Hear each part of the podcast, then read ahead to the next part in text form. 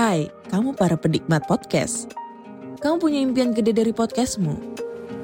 Terus First Story bisa banget bantu kamu. Mulai dari F-Link, Dynamic Audio Insertion, sampai statistik yang komprehensif. Semua ada di First Story. Gak ketinggalan kamu bisa monetisasi podcastmu lewat iklan dari First Story Ads yang bisa kasih kamu penghasilan dari setiap place podcastmu.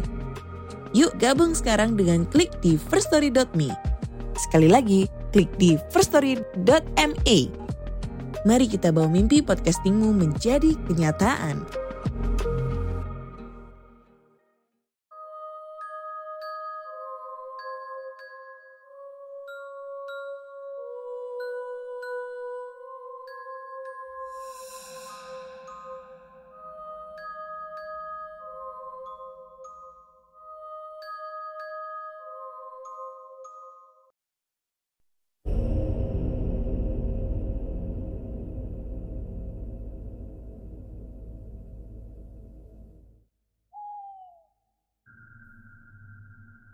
Assalamualaikum warahmatullahi wabarakatuh. Halo semuanya. Jumpa lagi dengan saya Chow Sing Sing Kurator dari podcast Horror Night Story. Halo apa kabar semuanya? Semoga kalian semua sehat-sehat ya. Dan seperti biasanya pada hari ini saya kembali Dan akan menghadirkan sebuah kisah mistis untuk kalian semua. Kisah mistis kali ini akan saya datangkan dari treat horornya Mas Bri Story yang menceritakan tentang sebuah kampung yang dihuni oleh pocong. Oke, daripada kita berlama-lama, mari kita simak ceritanya. Banyak pengalaman seram yang pernah aku alami sejak kecil sampai detik ini. Semuanya memberikan hikmah yang tak ternilai. Pengalaman yang cukup membuat aku menghargai perbedaan dari setiap sisi dimensi. Salah satunya akan aku ceritakan malam ini di Bri Story. Beneran Bri, aku udah sering denger kalau daerah itu super angker. Banyak kejadian seram di sana. Apalagi ada satu rumah yang katanya nggak berpenghuni. Kita harus ke sana. Aman kok, tenang aja. Aku udah kenal sama Pak RT-nya, sama Hansipnya. Kita tinggal datang aja. Sambil terus memainkan rambut gondrongnya, Bang Kopral sangat bersemangat menjelaskan perihal satu daerah yang katanya sangat angker. Waktu itu sekitaran tahun 2008 Di meja makan rumah teteh Aku duduk bertiga bersama Nando dan Bang Kopral Membahas satu topik yang cukup bisa menimbulkan perasaanku. Masih di sekitaran Cimahi, Lewu Gajah Tapi udah agak ke selatan Ke arah Batu Jajar Kampung kecil sih masih sepi banget. Baru ada satu komplek besar yang berdiri. Nah, kampung ini ada di belakang komplek itu. Sebagian besar warganya udah sering lihat hal yang di luar nalar. Banyak deh kejadian seram, ngeri pokoknya. Begitu kata Bang Kopral. Sekali lagi, aku akan ulas sedikit Beliau ini omnya Rudi Teman kuliah yang tinggal persis di depan rumah Tete. Tapi Walaupun statusnya om Bang Kopral belum terlalu tua. Waktu itu umurnya masih awal 30-an Kerja di Jakarta Rumah orang tua di Bandung. Beberapa kali dalam satu bulan dia akan pulang. Dan kalau di Bandung lebih banyak menghabiskan waktu dengan nongkrong bareng anak-anak kos. Orangnya asyik, selengean, rambutnya gondrong acak-acakan, kulitnya hitam, ditambah dengan tampang yang cukup sangar. Sangat senang ngobrol dan bercerita. Kalau udah nongkrong di rumah teteh, bisa sehari semalam gak habis topik bahasanya Kecuali kalau teteh udah bete Langsung bubar deh. Bang Kopral ini amat sangat tertarik dengan kemistisan dan perhantuan. Selalu penasaran kalau mendengar ada urban legend di suatu daerah. Dia juga sering menulis artikel di salah satu majalah. Tentu saja tulisannya tentang mistis dan perhantuan. Klop lah pokoknya dengan hobinya Beberapa kali aku terbujuk rayuannya untuk menemani mengunjungi tempat-tempat seram dan angker. Untuk membuktikan kebenaran cerita. Bukan menantang ya Tapi sekedar ingin tahu saja penasaran. Tempat-tempat yang kami kunjungi Kebanyakan masih di sekitaran Bandung dan Jawa Barat. Contohnya hantu rokok di Puncrut Ciumbleut kereta kencana di Cipaganti. Dua-duanya udah pernah aku tulis di sini ya. Pengalaman paling berkesan adalah jalan bareng-bareng kopral waktu mengunjungi pantai selatan Jawa. Benar, kami coba untuk bertemu dengan penguasanya, Nyi Roro Kidul. Terus ketemu nggak?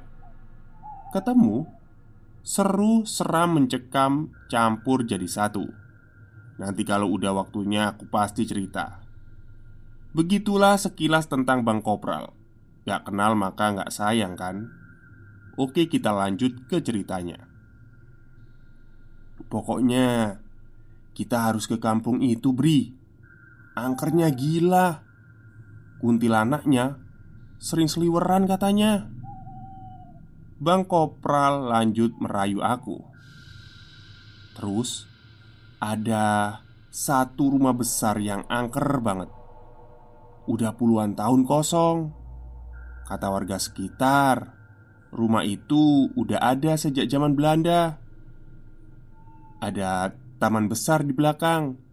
Katanya, kalau malam Jumat suka kelihatan ada pesta di taman belakang itu. Isinya bule semua, tapi kakinya nggak ada yang nginjek tanah, melayang. Wih, keren gak tuh? Pokoknya kita harus ke sana deh. Sebenarnya jujur, aku paling gak berani kalau sengaja mencari tentang keberadaan mereka. Takut, tapi ya itu tadi. Bang Kopral selalu menemukan cara upaya agar aku ikut padanya. Sesekali Doni dan Nando pernah juga ikut, tapi jarang. Itu pun kebanyakan misinya gagal alias gak menemukan apa-apa. Ayolah Bri. Besok kan malam Jumat. Jumat Kliwon loh. Pas banget. Seru pastinya. Ayolah Pulangnya nanti aku traktir makan Di Cewar. Oke nggak?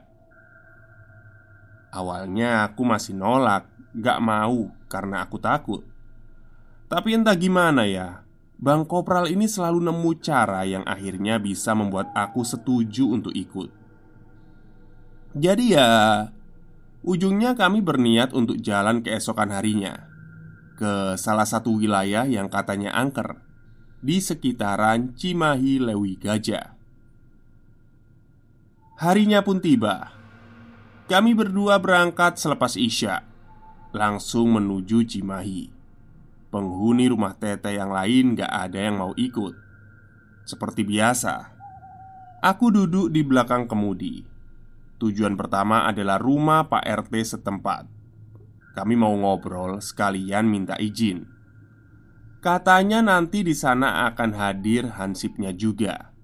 Ya, cari info dulu lah kira-kira. Oh ya, Waktu itu Bang Kopral bawa sesuatu di tas kecilnya. Satu siung bawang merah yang bawangnya berjumlah genap. Menurutnya, bawang merah siung genap bisa memancing makhluk halus. Aku nggak tahu atas dasar apa dia punya pikiran seperti itu.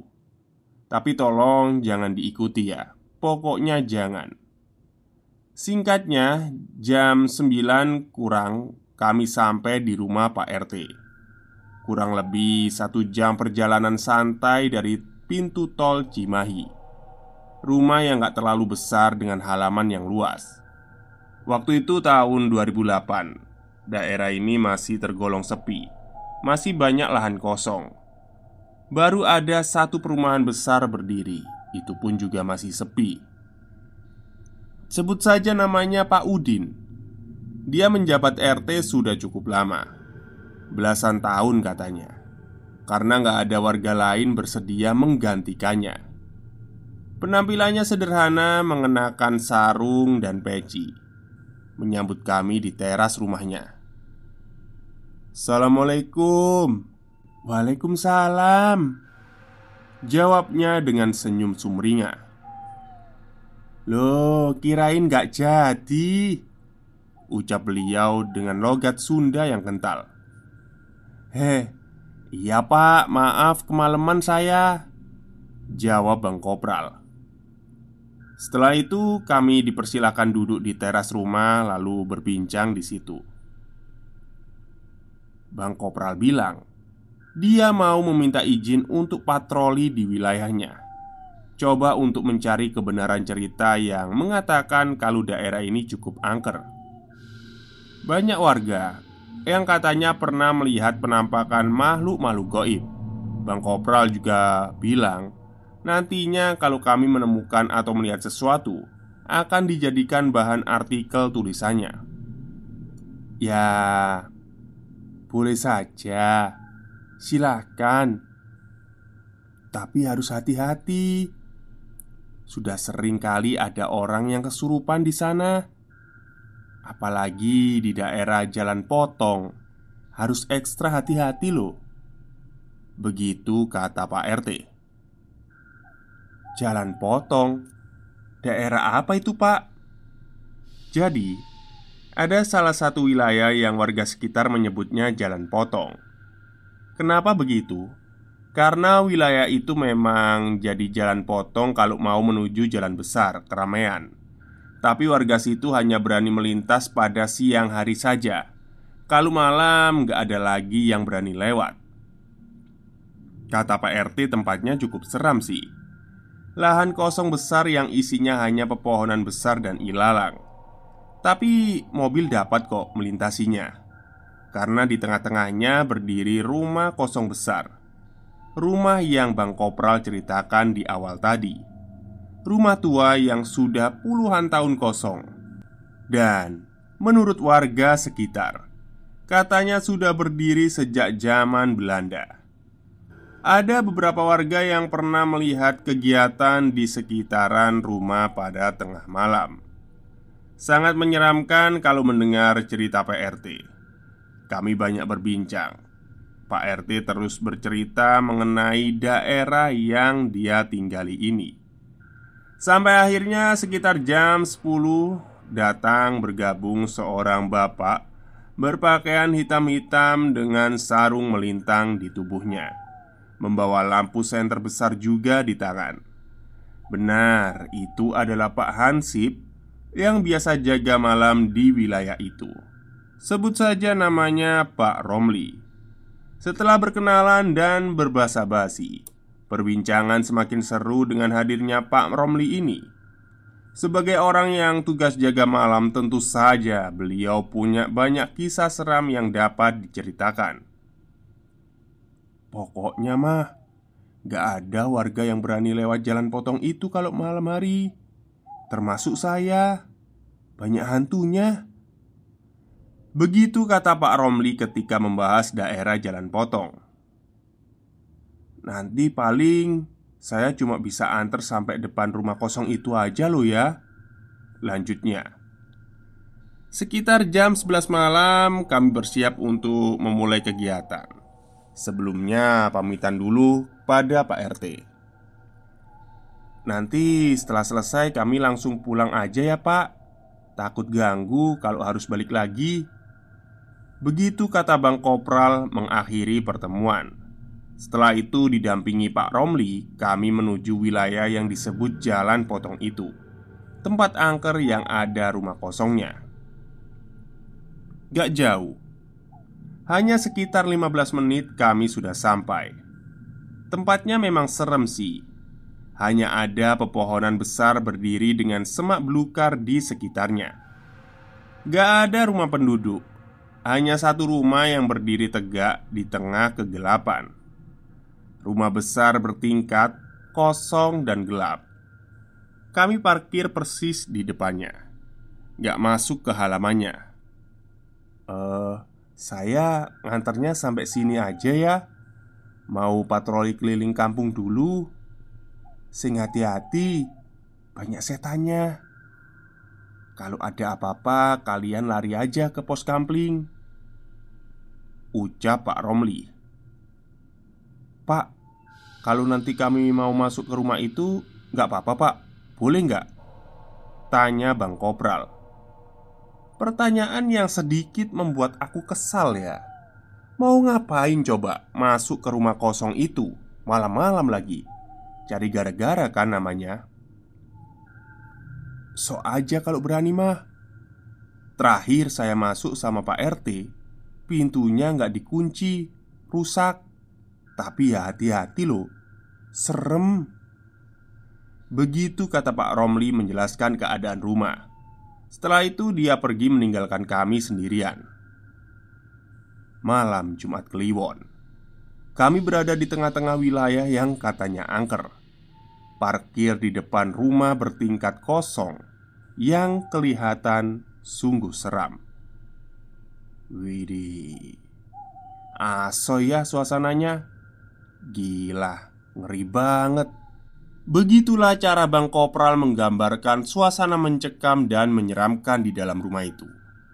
Sama sekali nggak menunjukkan raut ketakutan Kelihatan seperti menikmati adrenalin yang melonjak Spartan Sementara aku dari pertama datang sudah mulai ketakutan ya Semakin menjadi-jadi seiring berputarnya jarum jam menuju tengah malam Jendela mobil kami biarkan terbuka lebar-lebar Angin dingin beberapa kali bersepoi masuk ke dalam seperti ada yang membuatnya begitu. Gak ada suara terdengar, hanya jangkrik dan serangga malam sesekali bersautan. Rumah kosong bertingkat dua berada di sebelah kanan, sementara di kiri pepohonan rindang dan rumput ilalang. Di hadapan, jalan tanah yang gelap gulita, tapi ada cahaya lampu pemukiman yang kelihatan di kejauhan. Udah jam 12 Bri. Belum ada apa-apa. Gimana nih? Bang Pulang aja yuk. Serem nih. Sepi banget. Setengah berbisik aku mengajaknya pulang Beberapa kali menoleh ke kanan kiri Ke arah rumah kosong Gelapnya membuat pikiranku melalang buana menebak-nebak ada apa gerangan di dalamnya. Halaman cukup luas dipenuhi semak belukar yang tinggi. Di sebelah kirinya berdiri pohon besar yang sama tinggi dengan atap. Ah, daripada di sini gak ada apa-apa. Gimana kalau kita masuk aja ke dalam beri? Seru tuh. Tipikal Bang Kopral selalu dapat mengeluarkan ide brilian dan ide yang sungguh sangat aku tentang. Enggak lah bang, gila apa? Lihat tuh rumah, ngeri. Ah, aku yakin banyak setannya. Enggak deh, aku nggak mau. Ya udah, kalau lu nggak mau, biar aku sendiri aja yang masuk. Lu tinggal di sini. Aku bentar aja kok. Hmm, Sialan Bang Kopral ini. Ngasih pilihan yang sulit. Sendirian di mobil Di tengah daerah angker gini. Aku ya nggak mau. Mending ikut dia masuk ke dalam. Ah sialan lu bang. Aku nggak mau ditinggal sendirian Ya udah aku ikut deh. Tapi jangan lama-lama. Hehehe Gitu dong. Gak lama kok. Tenang aja. Sambil cengengesan Bang Kopral berjanji nggak akan berlama-lama di dalam. Kami melangkah cukup susah. Harus menghindari lumput liar dan semak belukar yang tinggi. Halaman rumah ini benar-benar seperti sudah lama nggak terawat. Beberapa kali aku menolehkan wajah ke atas, melihat jendela lantai dua sebelah kanan, seperti ada yang berdiri memperhatikan. Tapi setelah aku tegaskan lagi, ternyata nggak kelihatan apa-apa, gelap saja. Hanya tinggal beberapa meter menuju pintu depan Tiba-tiba kami mendengar ada sesuatu dari dalam rumah Suaranya seperti pintu yang bergeser terbuka. Itu kayak suara pintu, Bri. Bisik Bang Kopral Dengan raut wajah yang mulai serius. Aku mengiyakan sambil menganggukkan kepala. Bang, pulang yuk. Gak enak nih. Takut aku. Sekali lagi aku melempar ide Ide yang kemungkinan besar gak akan disetujui oleh Bang Kopral. Alah Sebentar aja Bri. Gak lama-lama kok. Begitu katanya. Benar apa kata Pak Romli tadi? Ternyata pintu depan memang dalam keadaan gak terkunci. Bang Kopral yang berjalan di depan hanya tinggal mendorongnya saja. Pintu pun terbuka. Cukup lama kami berdiam diri di depan pintu, memperhatikan isi rumah ketika pintu sudah terbuka penuh. Hembusan udara dari dalam yang mengalir keluar membawa aroma pengap berdebu. Pertama yang kami lihat sepertinya ruang tamu, kosong tanpa perabotan hanya gelap yang ada. Di ujung kanan ada pintu dalam keadaan terbuka, sepertinya merupakan akses ruang tamu menuju ruang keluarga atau ruang tengah. Perlahan kami memasuki rumah dengan lampu senter di tangan masing-masing. Lampu senter yang memang sudah dipersiapkan sejak berangkat tadi. Langkah sepatu menginjak lantai penuh debu menimbulkan bunyi khas. Hanya itu saja suara yang terdengar. Ketika sudah sampai di pintu kedua, pintu menuju ruang tengah, sekali lagi kami berhenti karena lagi-lagi terdengar suara pintu terbuka. Suara yang sepertinya bersumber dari lantai atas. "Bang, kayaknya udah cukup deh."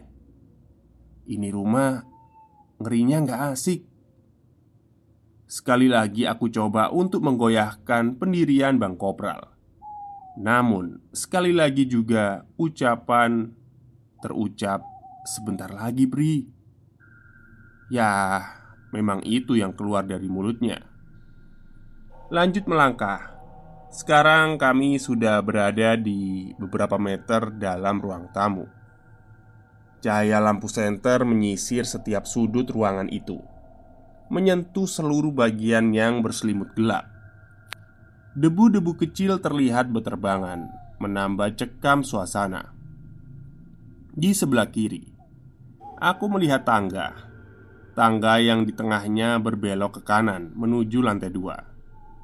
Dari ketebalan debu yang aku lihat di setiap anak tangga, sepertinya sudah sangat lama sekali Gak ada orang yang melangkah menginjakan kakinya untuk ke atas Kemudian Kami lanjut ke belakang Di ujung sebelah kanan ruang tengah ada satu ruangan lagi Yang aksesnya tanpa pintu.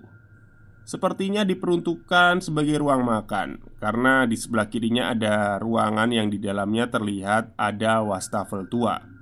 Dan sepertinya itu dapur. Ruang makan dan dapur hanya dipisahkan oleh dinding berbentuk meja setinggi perut Membentuk seperti meja bar panjang Sungguh benar ini merupakan rumah yang menyeramkan. Hawanya saja sudah nggak enak. Di beberapa bagian kami merasakan udara yang hangat cenderung panas. Brak Kaget. Tiba-tiba saja Terdengar ada suara pintu di banding di lantai atas. Jantungku sejenak berhenti mendadak, terkejut dan ketakutan. Cuekin aja Bri. Kita lanjut ke belakang. Ucap Bang Kopral. Ya aku nggak bisa ngapa-ngapain. Aku hanya bisa pasrah. Terus ikut ke mana Bang Kopral melangkah? Di ujung belakang Di sebelah dapur Kami berdiri di depan jendela kaca yang cukup besar. Jendela berdebu. Dari situ kami dapat melihat halaman belakang Bang Kopral mengusap tangannya pada kaca jendela Mencoba menyingkirkan debu yang menempel di permukaannya Supaya terlihat jelas. Aku melakukan hal yang sama Membersihkan sebagian debu di permukaan kaca yang ada di hadapannya. Setelah itu barulah kami dapat melihat bagian belakang rumah dengan jelas Sama seperti halaman depan Belakang rumah juga ditumbuhi rumput tinggi dan ilalang. Ada beberapa pohon besar yang berdiri menghalangi mata untuk lihat lebih jauh. Cahaya lampu senter kembali menyisir setiap sudut yang kami lihat. Bri, pojok kanan di bawah pohon. Lihat tuh. Bang Kopral berbisik pelan, memberi petunjuk agar aku mengarahkan pandangan ke titik yang dia mau. Lalu, lampu senter aku arahkan ke tempat itu. Sedikit cahayanya, dan akhirnya mampu membuatku berhenti bernafas. Bulu kuduku berdiri semua di pojok kanan halaman, tepat di bawah pohon. Aku melihat pocong. Pocong itu berdiri diam Sepertinya menghadap ke tempat kami tengah terperangah memperhatikannya. Cahaya lampu senter masih terus saja mengarah ke pocong itu. Sampai akhirnya Bang Kopral menurunkan tangan Supaya aku nggak terus-terusan menyenter pocong itu. Udah bang. Gak kuat nih aku. Pulang yuk. Bisikku memaksa minta pulang Bang Kopral kini nampak setuju. Ia melangkah mundur ketika pocong di halaman belakang itu seperti mulai bergerak mendekat. "Yuk, Bri, pulang aja." Lalu kami balik badan, berjalan menuju pintu depan, berniat segera keluar dari rumah. Tapi langkah terhenti ketika hanya tinggal beberapa langkah lagi sampai pintu menuju ruang tamu. Ada suara seperti orang terbatuk di sebelah kanan, tempat di mana letak tangga menuju ke atas. Refleks kami kompak menoleh ke sumber suara, dan di tengah-tengah tangga sebelum berbelok ke kanan. Di situ ada pocong yang sedang berdiri tegak. Dalam gelapnya ruangan, hanya pantulan cahaya lampu senter yang membantu penglihatan. Ya, kami dapat melihat dengan jelas bentuk pocong itu. Tinggi besar, berbalut kain kafan putih kusam. Dalam ketakutan yang amat sangat, Aku mendorong Bang Kopral agar kembali melanjutkan langkahnya. Seperti tersadar, akhirnya dia lanjut melangkah. Aku ikut di belakangnya. Dari sudut mata, pocong itu masih kelihatan memperhatikan kami berdiri di atas tangga. Ketika sampai di luar, nggak buang-buang waktu, kami langsung berjalan menuju mobil. Gila, seru abis. Ada pocongnya, Bri. Dua lagi. Ucap Bang Kopral Sambil suaranya menahan supaya nggak teriak. Setelah kami sudah berada di dalam mobil. Begitulah beliau. Selalu kelihatan senang kalau misinya berhasil.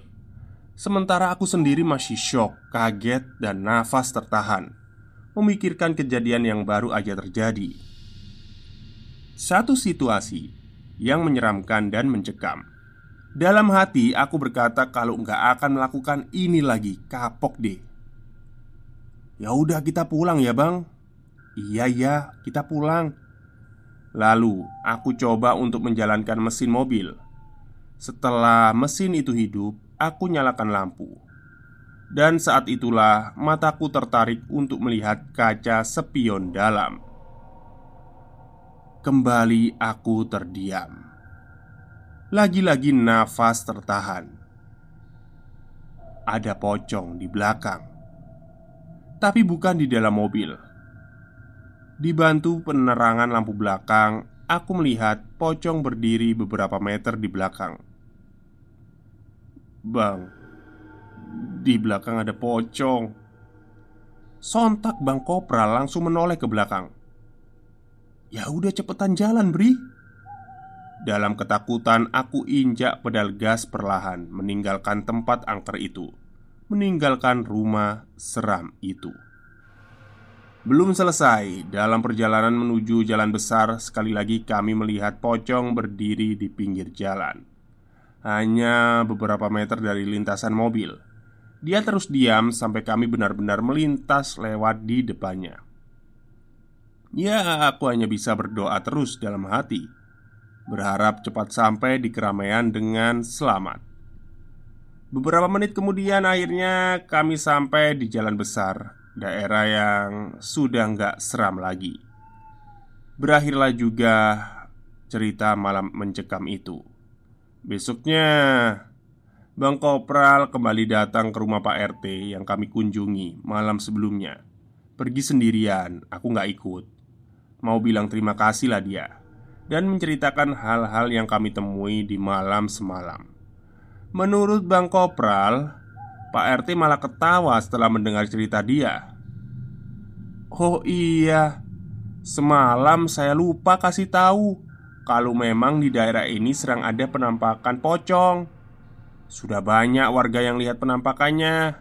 Makanya ada sebagian besar warga luar yang menyebut kampung ini sebagai sebutan kampung pocong Begitu katanya Oh, pantesan Kata Bang Kopral Jangan pernah nanya daerah mana persisnya Aku nggak akan beritahu Sekian cerita pengalaman aku malam ini. Sampai jumpa minggu depan. Tetap sehat supaya terus merinding bareng. Salam Bri.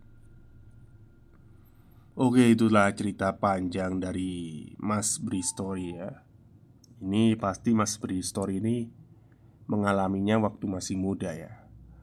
Oke, mungkin itu saja cerita untuk hari ini. Semoga kalian semua suka. Wassalamualaikum warahmatullahi wabarakatuh.